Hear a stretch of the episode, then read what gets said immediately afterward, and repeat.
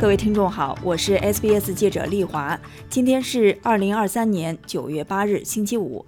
本期 SBS 新闻快报的主要内容包括：奥代总理表示，澳中将继续贸易谈判；达顿否认将背离二零五零净零排放承诺；特朗普贸易顾问被判有罪。以下是新闻的详细内容。澳大利亚代总理马勒斯表示，澳大利亚将继续与中国就贸易问题进行谈判。与此同时，阿尔巴尼斯总理已接受中国国家主席习近平的邀请，将于年底前访问北京。预计阿尔巴尼斯总理将提出若干与贸易和安全相关的问题，包括香港和西藏的人权问题，以及为目前在中国面临死刑的三名澳大利亚人请求宽恕。马勒斯表示，他相信阿尔巴尼斯与习近平的会谈将富有成效。他说：“我们将继续敦促中国扩大与澳洲葡萄酒相关的贸易，如同包括大麦在内的许多其他商品贸易那样。那些我们已经看到的贸易回归，毫无疑问，这将是我们的总理今年晚些时候访问中国时将讨论的众多问题之一。”我们的目标是稳定我们与中国的关系。反对党领导人达顿否认联盟党将背离到2050年实现零排放承诺的立场。此前，国家党议员乔伊斯发表评论称，净零排放的评估成本完全无法达到。国家党领导人利特尔普劳德在国家党联邦会议上面临放弃净零排放承诺的压力。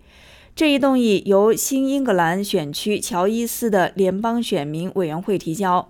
该动议建议澳大利亚采取一项政策，与世界其他国家合作，减少澳大利亚的二氧化碳排放量。达顿告诉澳广 ABC，联盟党将大力支持净零排放政策。联邦自由党参议员佩恩宣布他将退休。佩恩表示，他将于九月底离开联邦议会。她将成为澳大利亚历史上任职时间最长的女参议员。联邦参议院反对党领导人伯明翰对佩恩参议员的贡献和服务表示感谢。美国前总统特朗普的贸易顾问纳瓦罗因藐视调查2021年国会大厦袭击事件的众议院委员会的传票而被判有罪。由十二名成员组成的陪审团裁定纳瓦罗犯有两项藐视法庭的罪行。此前，纳瓦罗拒绝出庭作证，或向民主党领导的众议院调查组移交文件。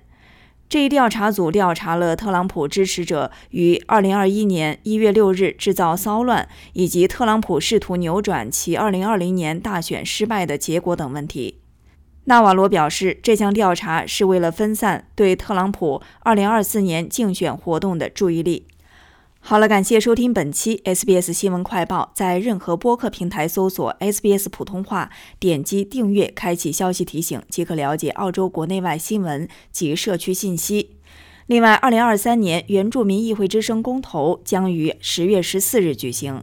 您现在即可访问 SBS 中文集锦页面，收看配有中文字幕的 SBS 公投新闻报道。网址是 sbs.com.au 前斜杠 ondemand 前斜杠 Chinese 中横线 collection。